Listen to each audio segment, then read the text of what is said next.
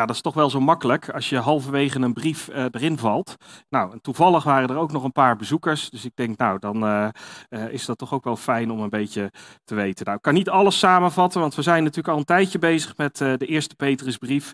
Maar de eerste Petrusbrief gaat over, is een brief die, die Petrus schreef in een tijd aan de christenen um, um, die, um, nou, die, die steeds meer te maken kregen met vervolging. Vervolging vanuit de overheid, vervolging vanuit uh, nou, religieuze uh, uh, omgevingen. En, um, en hij bemoedigt ze. En wij hadden gezien in, in 1 Petrus 1 dat, dat, dat God ons door de kracht van God bewaakt, door het geloof tot zaligheid, uh, die gereed ligt om geopenbaard te worden in de laatste tijd. Uh, en we hebben geleerd van dat we vooruit moeten kijken naar wat God ons allemaal gaat geven. Um, en dat dat ons helpt om door de beproevingen, waar we ja, niemand aan kan ontkomen eigenlijk, uh, um, wat we ook zagen in hoofdstuk 1 vers 6, als het nodig is, bedroefd door allerlei verzoekingen, maar dat ja, dat we daar naar uit mogen blijven kijken um, um, in de eeuwigheid. En um, als uitgangspunt daarvan heeft, hebben we ook gezien van dat God ons opriep om heilig te zijn zoals God heilig is. En dat is, dat is bizar als je daarover nadenkt. Dat, uh, wij, denken zelf wel van ja, ik zou iets beter moeten zijn. Uh, maar God legt de lat voor ons uh, op, op, Zoals Hij heilig is, zo moeten wij heilig worden in heel onze levenswandel. We hebben gezien in hoofdstuk 2 dat het woord van God ons doet laten opgroeien als we het ook gaan toepassen in ons leven. En dat um, uh, God ons wil gebruiken om uh, ja, daadwerkelijk onderdeel te zijn van de gemeente, om onderdeel te zijn van zijn werk, dat wij gebouwd mogen worden als levende uh, stenen. En um, nou, vervolgens heeft hij het gehad over, eh, eh, en aan het einde van hoofdstuk 2 ook van, dat het soms eens lastig kan zijn, um, uh, maar dat onderdeel van die heilige levenswandel is, is om ook je te onderwerpen aan alle menselijke orde. Dus aan de koning als de hoogste machtshebber of de stadhouders of, of wie dan ook. Um, daar moeten wij ons aan onderwerpen met de kanttekening tenzij het tegen God ingaat. Dat is wat we, waar we stil hebben bij, uh, bij gestaan.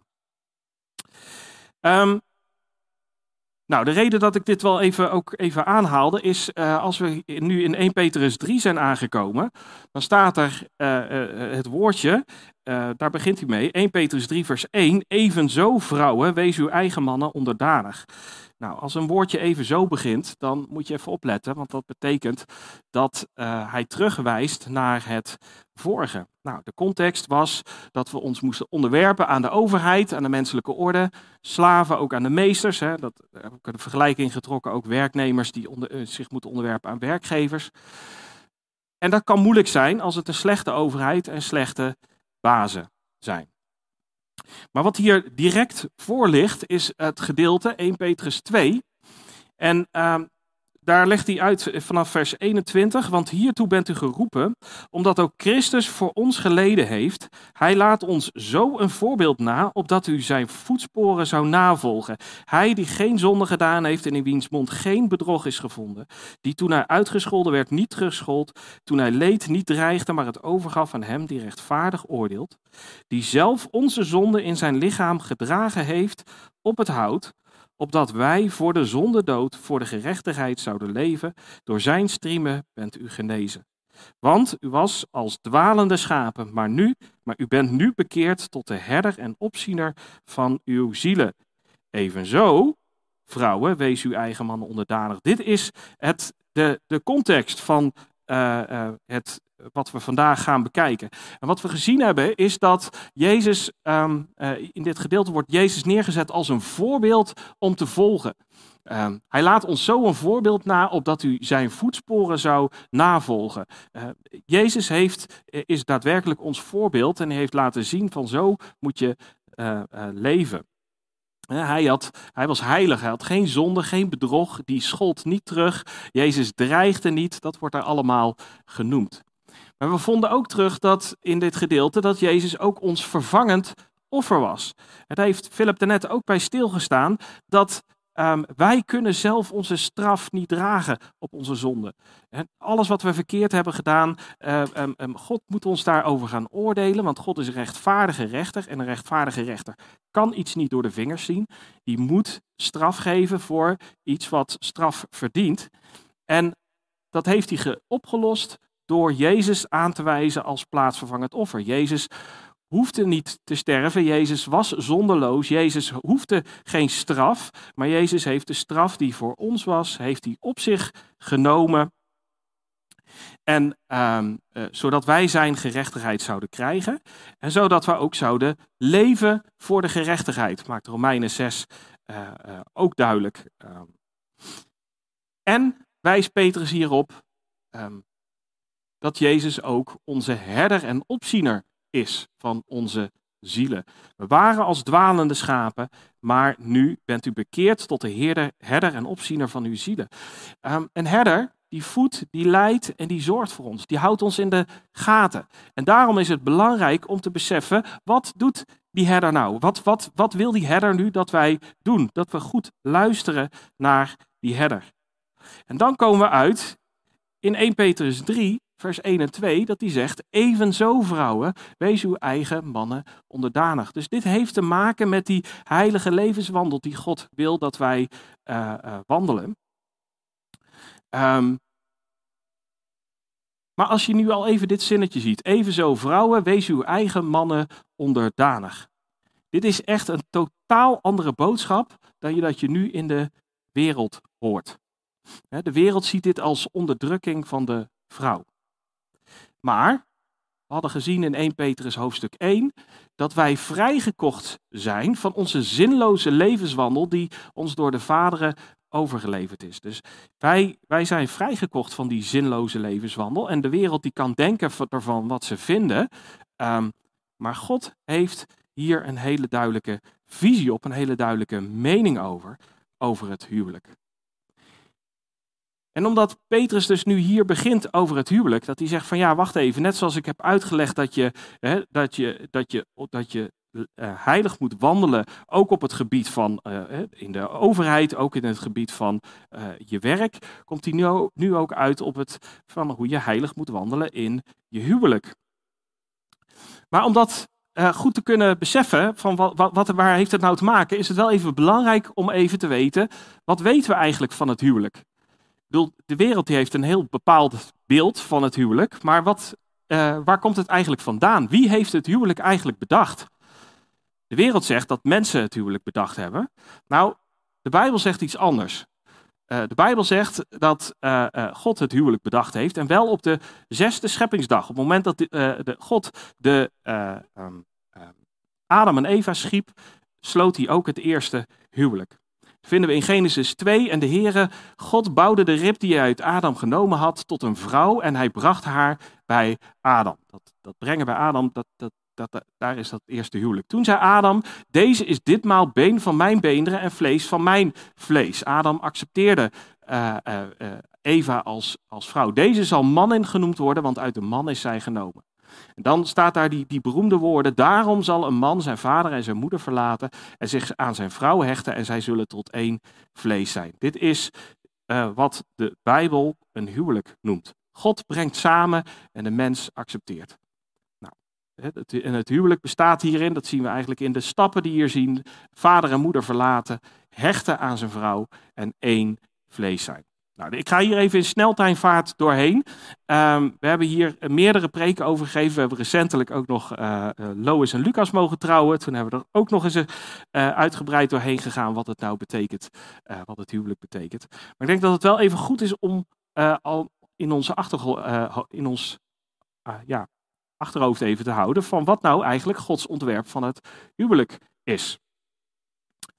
Um, God heeft nog iets ontworpen in het huwelijk. En dat maakt Jezus op een gegeven moment duidelijk. Uh, hij is in discussie met een, uh, met een paar mensen. En dan uh, stellen ze hem een moeilijke vraag. En dan antwoordt Jezus dit. Hij antwoordde en zei tegen hen: Hebt u niet gelezen dat hij, God, die de mens gemaakt heeft, dus hij refereert hier als God als schepper, hen vanaf het begin af aan mannelijk en vrouwelijk gemaakt heeft. En gezegd heeft, daarom zal een man zijn vader en moeder verlaten, zich aan zijn vrouw hechten en die zullen tot één vlees zijn. Zodat zij niet meer twee zijn, maar één vlees. Dus wat God samengevoegd heeft, laat de mens dat niet scheiden vinden we weer een paar dingen terug. God heeft de mens geschapen als man en vrouw. Nou, als er iets is wat vandaag de dag uh, onder vuur ligt, is dat verhaal. Je, je, moet je maar kunnen voelen zoals jij zelf vindt dat je je voelt. Dus als ik nu een, een, een, mezelf voel als een dikke Chinese vrouw van 150 kilo, dan moeten jullie mij dat maar gaan accepteren dat ik mij zo voel. Het is echt te bizar voor woorden, maar dat is wel waar het nu op neergekomen is in de wereld. Maar de Bijbel maakt duidelijk, God heeft de mens geschapen als man en vrouw. Het is ook geen hoge wiskunde dit. Hè? dit, is, dit we zien dat gewoon om ons heen, maar het is de mens die het echt verdraait. Nou, God heeft het huwelijk ontworpen en ingesteld tussen man en vrouw. Hij heeft gezegd, hem vanaf het begin af aan mannelijk en vrouwelijk gemaakt heeft. En je ziet, de man zal zijn vader en moeder verlaten, zich aan zijn vrouw hechten. Het huwelijk is tussen man en vrouw. Wat we ook zien is dat man en vrouw zijn in het huwelijk een geestelijke en fysieke eenheid. Ze zijn niet meer twee, maar één vlees. Nou, ook dat hoeven we ook geen hogere wiskunde voor te, eh, eh, te, te doen. Als je een beetje biologie kent, dan weet je dat man en vrouw op elkaar passen, zeg maar. Nou, en God heeft het ook bedoeld als gewoon als een, als een totale eenheid. En God heeft seks bedacht en het huwelijk aangewezen als een veilige plek. Mensen die ook wel zeggen van ja, maar hè, God en, seks en zo, dit en dat. Ja, maar het, komt gewoon voor in de Bijbel en God heeft het zelf bedacht. En die heeft een veilige plek aangewezen en dat is binnen het huwelijk, niet buiten het huwelijk. Nou, het ontwerp van het huwelijk door God is goed. Dat moeten we niet vergeten. We vinden dat het tussen man en vrouw is. Dat vinden we door de hele Bijbel heen. En we vinden ook dat man de man het hoofd van het gezin is. Als je hier meer over wil lezen, uh, dat kun je in het, uh, het hoofdstuk Efeze, uh, in het boek Efeze, in het hoofdstuk 5, kun je dat terugvinden. Daar hebben we ook wel eens eerder uitgebreid bij stilgestaan. Maar de man is het hoofd van het gezin. En dan staat er een hele belangrijke opdracht. Die moet zijn vrouw lief hebben zoals Christus de gemeente lief gehad heeft. Opofferende liefde tot in de dood. De man moet zijn vrouw lief hebben zoals Jezus ons heeft lief gehad, dat hij zijn, dat hij zijn eigen leven heeft opgegeven. Hij was bereid om te sterven om ons te redden. Zo moet de man zijn vrouw lief hebben. En hij moet haar voeden en koesteren. Dus de opdracht van de man eh, is ook nog eens om, om, om zijn vrouw te voeden en te koesteren, zoals ook Jezus de gemeente koestert en voedt. En dan staat er over de vrouw dat die onderdanig moet zijn zoals de gemeente aan Christus onderdanig is. Dat is een hele belangrijke, want mensen zeggen eens, ja, de vrouw moet onderdanig zijn, dus onderdrukking, dus niet meer van deze tijd. Ja, maar het is ook nog steeds van deze tijd dat uh, de gemeente aan Jezus onderdanig moet zijn. En zo moet dus nog, nog steeds de vrouw aan de man onderdanig zijn. Dat is gewoon simpelweg hoe God het bedacht heeft. Het zijn niet mijn woorden, het zijn hoe God het heeft bedacht. En God heeft dat goed bedacht. Maar het is geen dictatorschap. Als je dat hoofdstuk Efeze 5 gaat bestuderen, dan kom je daarachter. Het is alleen maar liefde, liefde, liefde, opofferen, opofferen, opofferen van de man naar de vrouw toe. Um, en de vrouw moet onderdanig zijn aan de man.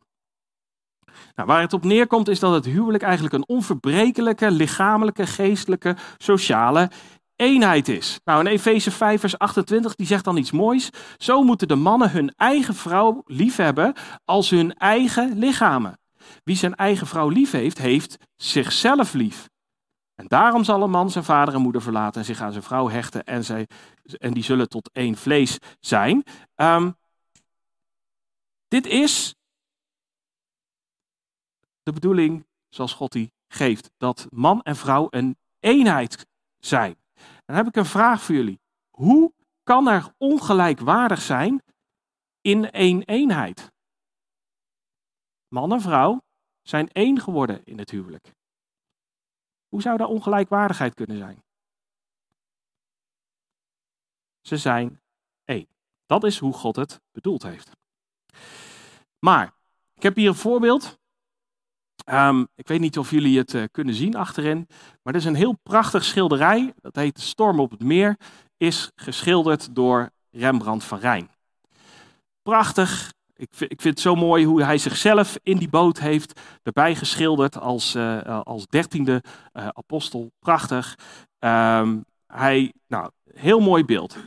Maar wat nou als ik tegen jullie zou zeggen, ik heb Um, kom maar bij mij thuis kijken. Ik heb de storm op het meer heb ik bij mij aan de muur hangen. Moet je maar eens komen kijken. is echt, echt prachtig. Nou, ik heb een foto meegenomen van de storm op het uh, meer. Dat bij mij aan de muur hangt. Uh, dat is dit. Ja, bootje is, is, is, uh, is, ook in de storm, ook in het meer. En nou ja, is goed, er zit een clown in. Um, dit is natuurlijk een karikatuur van de storm op het meer. Als, iedereen die, als ik dit zou zeggen, ja, ik heb de storm op het meer van Rembrandt aan mijn muur hangen, die zal me uitlachen. Die zegt, nee, dat is niet de storm op het meer van Rembrandt. Nee, dat is gewoon een storm op het meer en die heb je ook nog eens zelf getekend. Ik bedoel, kom op, uh, dat is niet de storm op het meer. En dat is het probleem, hoe het gaat met het huwelijk. God heeft het huwelijk gedefinieerd. God heeft gezegd, het huwelijk is tussen man en vrouw. En, en, en de man moet zijn vrouw liefhebben. De man is het hoofd van het gezin. En de vrouw moet zich onderwerpen aan de man. Dat is hoe God het huwelijk gedefinieerd heeft. Dat de wereld daar een karikatuur van maakt. En volkomen zelf eigenlijk allemaal andere dingen gaan bedenken. En dat ook een huwelijk noemen. Dat moeten ze zelf weten. Maar het is geen huwelijk. Het ontwerp dat God gemaakt heeft, is goed. En dat is tussen man en vrouw. En de man is het hoofd van het gezin. En moet zijn vrouw lief hebben zoals Christus de gemeente lief gehad heeft. Opofferende liefde. En dat is het huwelijk. En dan komen we aan bij 1 Petrus 3. Evenzo, vrouwen, wees uw eigen mannen onderdanig, opdat ook, als sommigen aan het woord ongehoorzaam zijn, zij door de levenswandel van de vrouwen zonder woorden gewonnen mogen worden, doordat zij uw reine levenswandel in de vrezen des Heren waarnemen. Nou, wat is hier aan de hand? Um, Petrus lijkt ze erop te wijzen van ja, maar wacht even. Net zoals dat hij gewezen heeft op het feit dat, dat, het, dat er problemen kunnen zijn als jij hè, misschien een, een, een slechte overheid hebt of een slechte uh, uh, meester hebt als slaaf. Um, um, kan er ook een probleem zijn dat je misschien als vrouw een ongelovige uh, man hebt. Nou, dat is, kun je op twee manieren uh, uh, lezen. Hè? Ook als sommigen aan het woord ongehoorzaam zijn. Uh, Petrus zelf gebruikt het hier in deze brief als zijnde voor ongelovigen. Hij zegt dat voor u dan die gelooft is hij kostbaar, maar voor de ongehoorzamen geldt. Hè, voor hen die zich aan het woord stoten door ongehoorzaam te zijn. Petrus gebruikt dit als, ehm, als, als, als ja, term voor, als hij zegt van sommigen aan het woord ongehoorzaam zijn, is dat ze ongelovig zijn.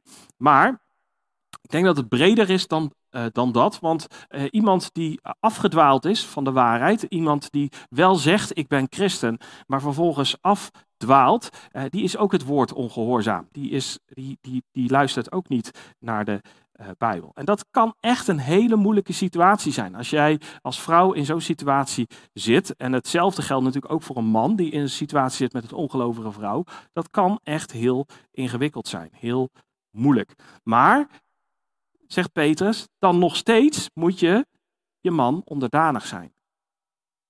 En dat is een lastig punt. En daarom gaat Petrus daarover verder. Want misschien uh, zou een vrouw kunnen denken: ah ja, ik moet mijn man maar gaan overtuigen. Ik moet, ik moet elke keer maar vertellen en ik moet het elke keer weer preken. Als hij weer eens, als hij weer eens dronken thuis komt of zo, dan moet ik maar weer gaan preken over hoe, hoe, hoe verkeerd dat allemaal wel niet is.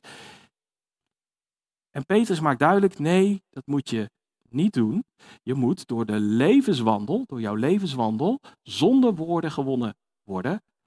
Um, doordat zij uw reine levenswandel in de vrezen des Heren waarnemen. Nou, daar zal ik zo meteen nog even op, op, op, op verder gaan van wat dat nou betekent. Um, Petrus die, die gaat hier verder, want, hij, hij, want eh, eigenlijk die, die vrouwen die kunnen dan denken, ja maar hoe moet ik dat dan doen? Nou dan legt hij uit van ja oké, dat moet door je levenswandel zijn. Het moet zijn hoe jij je leven invult. Maar um, legt hij ook uit van ja, uw sieraad moet niet bestaan in iets uiterlijks. Het vlechten van het haar, het dragen van gouden sieraden of het aantrekken van mooie kleren. Een vrouw zou misschien kunnen denken, ja, als ik me op die manier dan, dan presenteer, dan misschien, gaat, ja, misschien, is, misschien bereik ik mijn man daarmee. Um, en dat is eigenlijk een beetje hoe, hoe de wereld uh, kijkt naar van, van een vrouw moet mooi zijn. Um, voor de man. En als je ziet hoe ver vrouwen tegenwoordig gaan om mooi te zijn. Het is echt, echt een bizar voor woorden. Ik, ik zie het en ik denk, het is totaal niet mooi met, met helemaal volgespoten lippen en, en, en alles. Ik, ik, ik, ik snap, nou ja, goed. Ik, soms snap ik gewoon niks van de wereld. Maar um, um, uh, het, um, de Bijbel maakt duidelijk van, nee, maar daar moet niet uh, je, je, je sieraad in zitten. En volgens mij zegt Peter hier niet van, van ja jongens, jullie mogen niet meer er mooi uitzien. Peter zegt niet van nee, je mag, niks, je mag niet vlechten, je mag je haar niet in een vlecht doen of zo, wat dan ook. Nee, maar dat, dat moet niet jouw uitgangspunt zijn. Jouw uitgangspunt, dat moet niet jouw sieraad zijn. Jouw sieraad moet zijn de verborgen mens van het hart met het onvergankelijke sieraad van een zachtmoedig en stille geest die kostbaar is voor God. Dus als jij als vrouw wil weten van ja, maar hoe, hoe kan ik nou leven op een manier dat, dat, dat, dat, dit waardevol is voor God, dan zegt hij dat is een zachtmoedige en stille geest. En dat is een onvergankelijke sieraad. Dat is iets wat, wat niet verloren gaat. Dat is, dat is een, een, een, een, iets wat, wat blijft tot in eeuwigheid.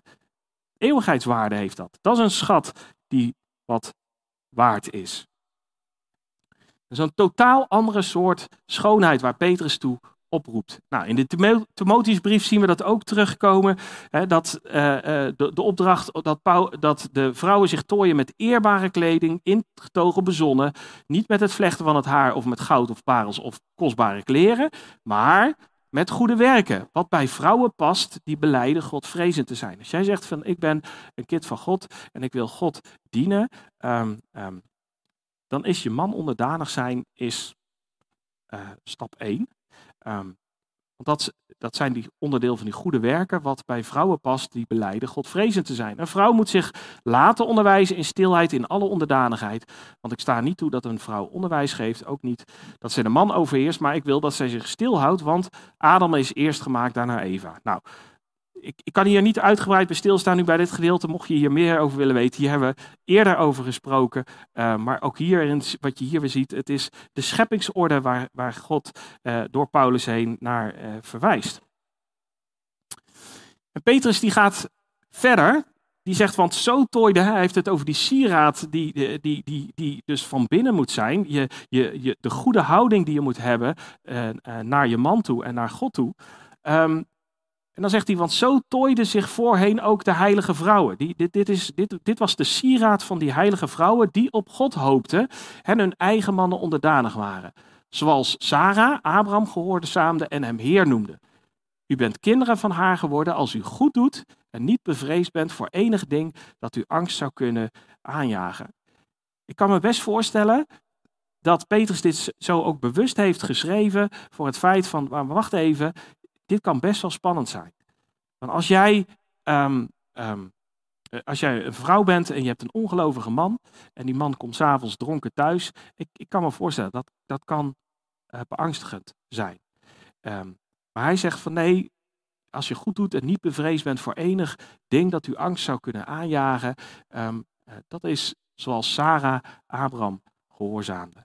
En Sarah, Sarah, als je haar gaat kijken, uh, haar leven gaat bekijken, Sarah heeft best wel fouten gemaakt. Maar Sarah is een van de weinigen die nog in de, ook als vrouw als in, de, in de geloofshelden teruggenoemd wordt. En um, um, uh, Sarah heeft het voorbeeld gegeven. En um, ik denk dat we hier een, een vraag uit kunnen stellen van welke voorbeelden heb jij in je leven? Waar kijk jij naar als goed voorbeeld in jouw leven? Hoe, hoe Welke vrouwen kijk jij tegenop? Kijk jij naar Hollywoodsterren?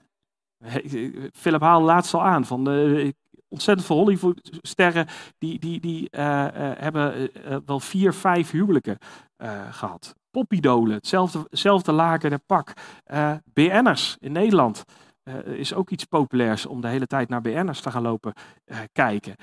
welke voorbeelden zijn dat? Of kijk je naar de godvruchtige vrouwen in de gemeente um, en, en, in de Bijbel. En Titus roept daartoe op van dat vrouwen, oude vrouwen, in hun gedacht moeten zijn zoals het heilige past. Geen kwaadsprekers, niet verslaafd aan veel wijn, maar leraressen van het goede. Opdat zij de jongere vrouwen leren verstandig te zijn, hun man lief te hebben, hun kinderen lief te hebben, bezonnen te zijn, kuis, te zorgen voor hun huishouden, goed te zijn, hun eigen mannen onderdanig te zijn, opdat het woord van God niet gelasterd wordt. Als ik dit op straat zo zou vertellen, dan zouden, ze, zouden mensen zeggen van, Onno, je bent aan het vloeken.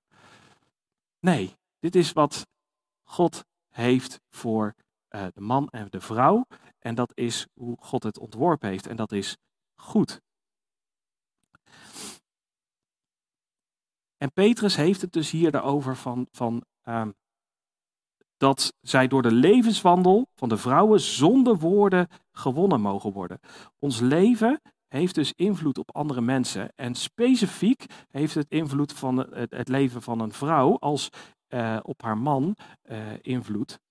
Um, op het moment dat ze leeft op de manier zoals God wil dat ze leeft. Naar dat voorbeeld van Jezus. Heilig, geen zonde, geen bedrog, schold niet terug, dreigde niet. Geen roddel, geen kwaadspreken.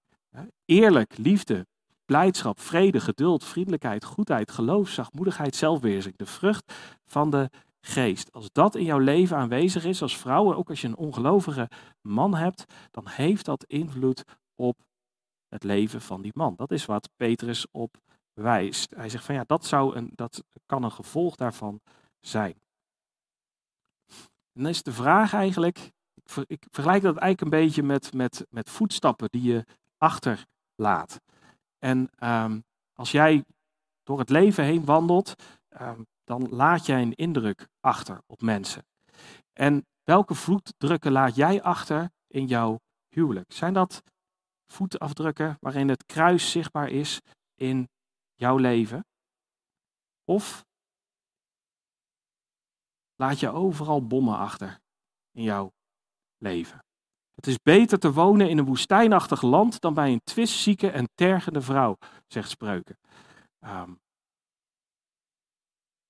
als vrouw kun je enorm veel impact hebben op jouw huwelijk. Ook als je een ongelovige of een man hebt die ongehoorzaam is aan het woord van God. Als iemand afgeweken is. En, en als jij daarvoor kiest om, om, om God te volgen in alles wat je uh, uh, uh, doet, dan gaat dat effect hebben op je huwelijk. Maar ja, ja, dat is wat Petrus zegt. Hè? God volgen in je huwelijk als je man ongehoorzaam is. Maar zegt iemand misschien, met mijn man is echt geen land te bezeilen. Die heb jij nog niet ontmoet, die man. Mijn man, mijn man is egoïstisch. Jongen, jongen, dat is echt het, hij definieert wat egoïsme is. Mijn man, mijn man is autistisch.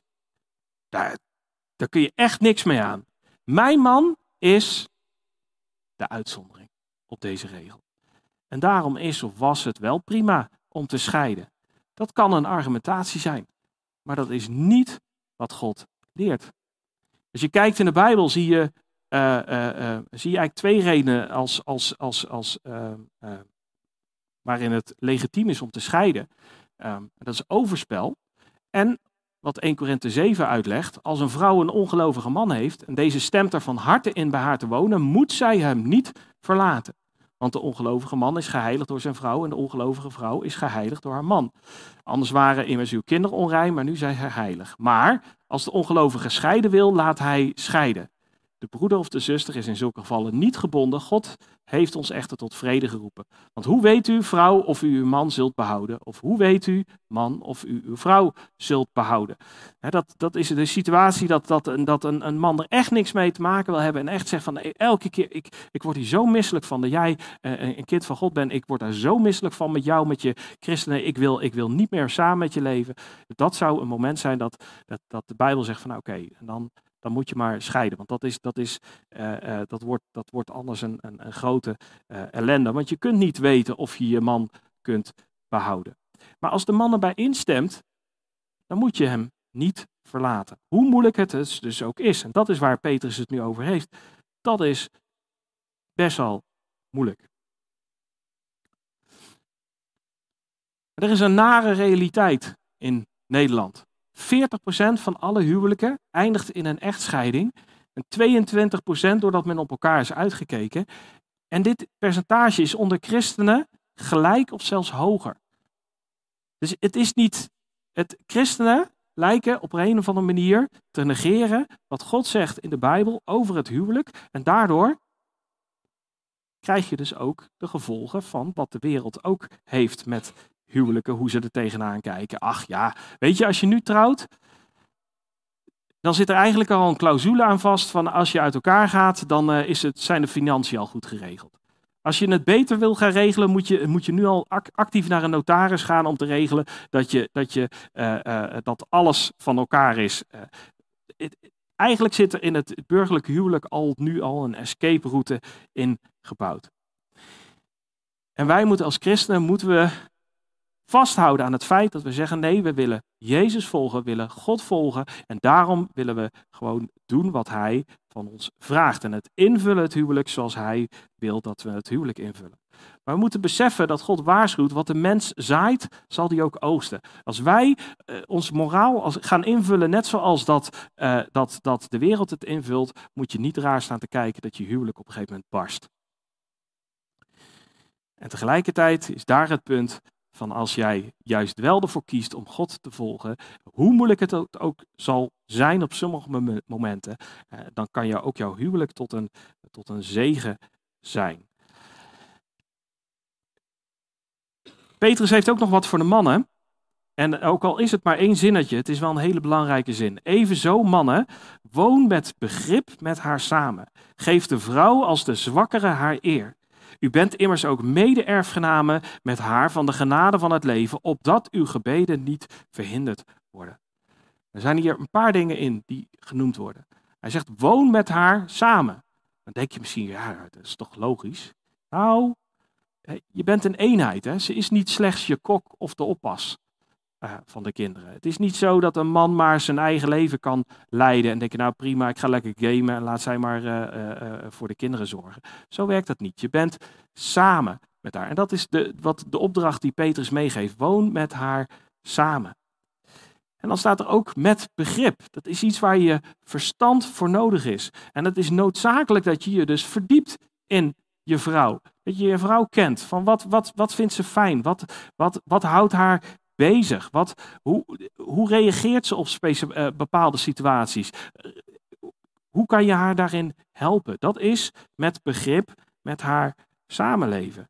Je kunt wel denken van oké, uh, als man misschien van ja, waarom doe je nou zo moeilijk over dit punt?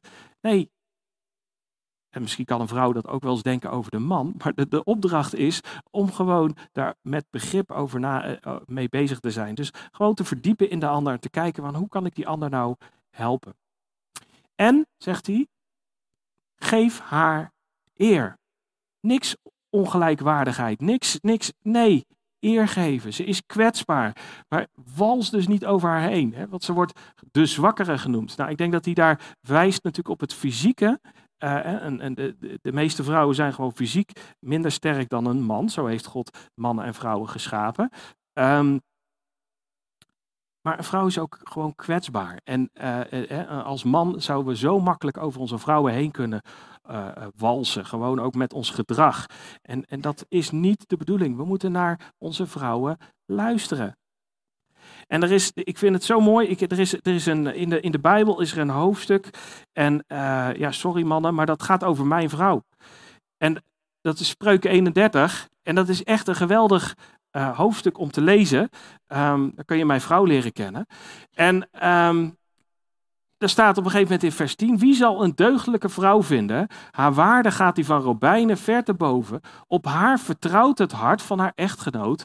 En bezit zal hem niet ontbreken. Zij doet hem goed en geen kwaad de dagen van haar leven. Ik denk dat als je als man en vrouw samenleeft op de manier dat God het wil, uh, in jouw leven, uh, dan word je tot een, uh, dan wordt jouw, jouw, jouw huwelijk op aarde een zegen. Um, voor je kinderen, voor jezelf. Um, en dat is wat God graag wil in ons leven.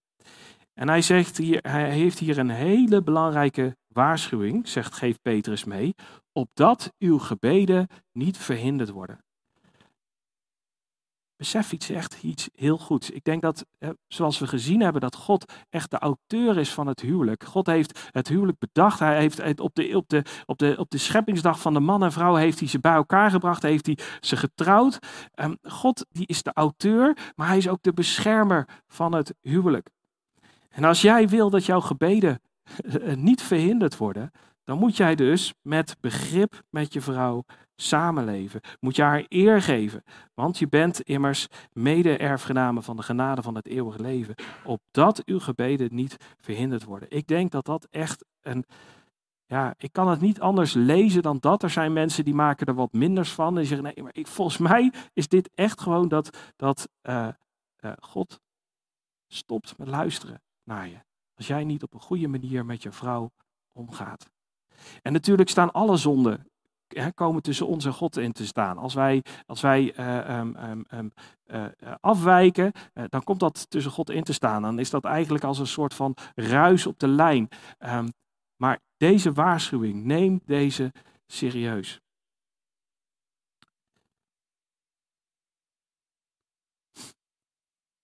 En Petrus gaat verder. Die zegt: Ten slotte, wees allen eensgezind vol medeleven. Heb de broeders lief, wees barmhartig en vriendelijk. Nu gaat hij verder en hij lijkt het nu te hebben eigenlijk over de situatie van de gemeente en, en, en de rest eigenlijk. Dus hij komt een beetje tot een conclusie. Vol medeleven, heb de broeders lief, wees barmhartig en vriendelijk. Vergeld geen kwaad met kwaad of laster met laster, maar zegen daarentegen, omdat u weet dat u daartoe geroepen bent, opdat u zegen zult beërven. Nou, eensgezind zijn, dezelfde gezind zijn, harmonie hebben. Het is belangrijk dat we als gelovigen onder elkaar harmonie hebben. We moeten niet elkaar uh, de tent uitvechten. We moeten medeleven hebben. Ons woord sympathie stamt van dit Griekse woord af, dat, dat hier medeleven, uh, wat hier vertaald wordt met medeleven. We moeten barmhartig zijn, vriendelijk. En we moeten zegenen in plaats van kwaad met kwaad of laster met laster. Als, het is, te, het, gewoon een situatie. We leven hier met allemaal mensen bij elkaar en we kunnen allemaal goede intenties hebben. Um, maar in ieder geval zoals ik ben, ik ben gewoon een mens en ik maak wel eens fouten. Um, ik, ik, ik reageer wel eens onhandig op iemand. Die maakt een grapje, ik begrijp het niet en, en die ander voelt zich misschien aangevallen. Of, of ik, ik, uh, ik, ik zit er even niet bij met mijn gedachten en, en uh, ik, ik zeg iets ongelukkigs. Uh, dat zijn allemaal dingen, zo zijn we als mens. En als wij um, um, daar allemaal op zouden reageren van, nou ja, ook, ik zal hem dan ook eens hebben, dan wordt het hier uh, heel ongezellig. Um, maar God roept ons op om juist te zegenen. En ik heb, ik heb dit in mijn leven meegemaakt, dat, dat ik wist van mensen dat ze over me aan het lasteren waren. Terwijl ik het goede aan het doen was. Ik was, ik was, ik, ik was God aan het volgen. Ik was de Bijbel eh, op, een, op een goede manier aan het uitleggen um, en aan het verkondigen. En mensen lasterden mij daarom. En daar heb ik er bewust voor moeten kiezen om dan te zeggen: nee, ik ga hun zegenen. Ik, ik, wil niet, ik wil niet nu ook over hun gaan lasteren. Ik wil, Heren, wilt u ze alstublieft zegenen. En dat geeft heel veel rust in je hart. Want, gaat Petrus verder, want wie het leven wil liefhebben en goede dagen zien, die moet zijn tong, die moet zijn tong weerhouden van het kwaad en zijn lippen van het spreken van bedrog. Dit is een voorwaarde. Als jij, als jij een goed leven wil hebben, dan moet je je tong weerhouden van het kwaad. Dan moet je ervoor zorgen, ik niet die verkeerde dingen zeggen, niet die laster, niet die boosheid, um, die moet zich afkeren van het kwaad en het goede doen. Die moet vrede zoeken en die najagen. Want de ogen van de Heer rusten op de rechtvaardigen en zijn oren zijn gericht op hun gebed. Maar het aangezicht van de Heer is tegen hen die kwaad doen. Moeten we echt iets beseffen. Dit is, dit is eigenlijk, daar, daar zegt hij bijna hetzelfde nu als wat hij eerst ook al zei over opdat uw gebeden niet verhinderd worden. We moeten ons afkeren van het kwade, we moeten het goede doen. We moeten actief vrede proberen te bereiken. Dat is het goede te doen. En dan, zegt, dan haalt hij een tekst uit, aan de, aan de, uit de psalmen aan, want de ogen van de Heer rusten op de rechtvaardigen. En we kunnen alleen rechtvaardig zijn vanuit geloof, maakt de Bijbel duidelijk. Maar daar luistert God naar. Dan heb je een open lijn als jij het goede doet in jouw leven, als jij God volgt. Maar de andere kant is net zo waar. Het aangezicht van de Heer is tegen hen die kwaad doen. We hebben net al gezien, de gebeden worden verhinderd als jij niet op een goede manier uh, um, um, eh, met je vrouw omgaat. Maar ook, ook de, je communicatie met God is verstoord. En de Hebreeën 12 maakt ook duidelijk dat God ook kan gaan ingrijpen in jouw leven. Als, als jij uh, ongehoorzaam bent aan God, dan kan God jou gaan straffen. En dat doet hij dan uit liefde om je weer erbij te brengen, maar dat is wel het gevolg daarvan. Um, dus dat wil je niet. Wat ik al zei, is hij, hij, hij haalde hier Psalm 34 aan. Um, prachtige psalm. En dan staat in vers 18, zij roepen en de Heere hoort. Hij redt hen uit al hun benauwdheden. De Heere is nabij de gebrokenen van hart. Hij verlost de verbrijzelden van geest. De rechtvaardige heeft veel ellende, maar uit dat alles redt de Heere hem. Houd dat vast, ook in moeilijke situaties. De, God belooft nergens in de Bijbel van nou, als jij mij volgt, dan gaat het alles vanaf nu gaat het alles goed. Helemaal niet. De rechtvaardige heeft veel ellende, maar uit dat alles redt de Heer hem.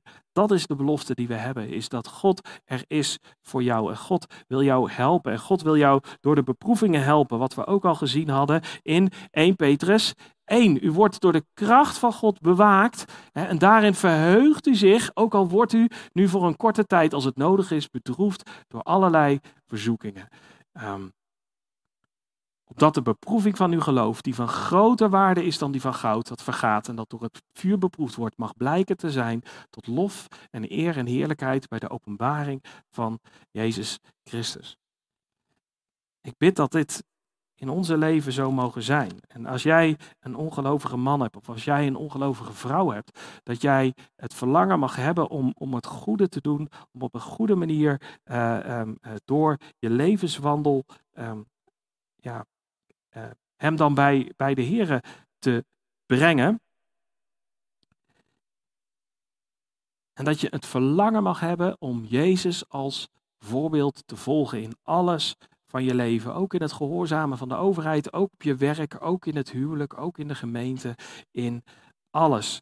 En dan mogen we beseffen want, dat uh, hoe moeilijk het hier ook wordt in de wereld, God is altijd bij ons en God zorgt voor ons. Uh, en die rust mag je hebben als je het goede doet. Zullen we bidden?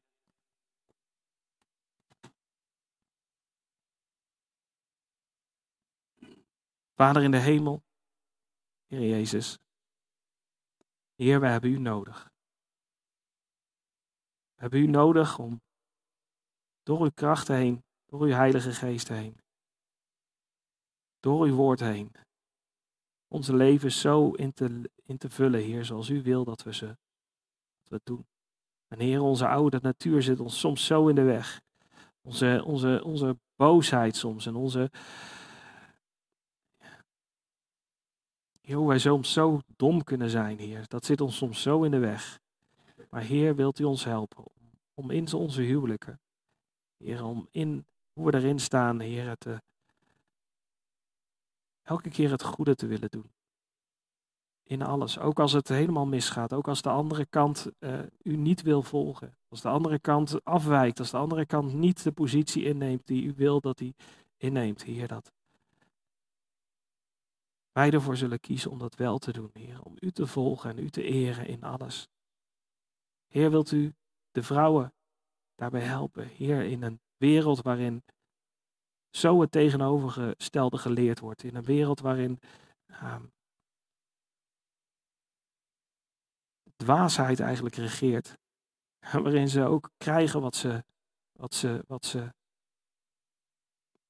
ja, wat ze eigenlijk verdienen, hier in, in, in, doordat zij zo bezig zijn met, met hun eigen plan, Heer, in plaats van uw plan.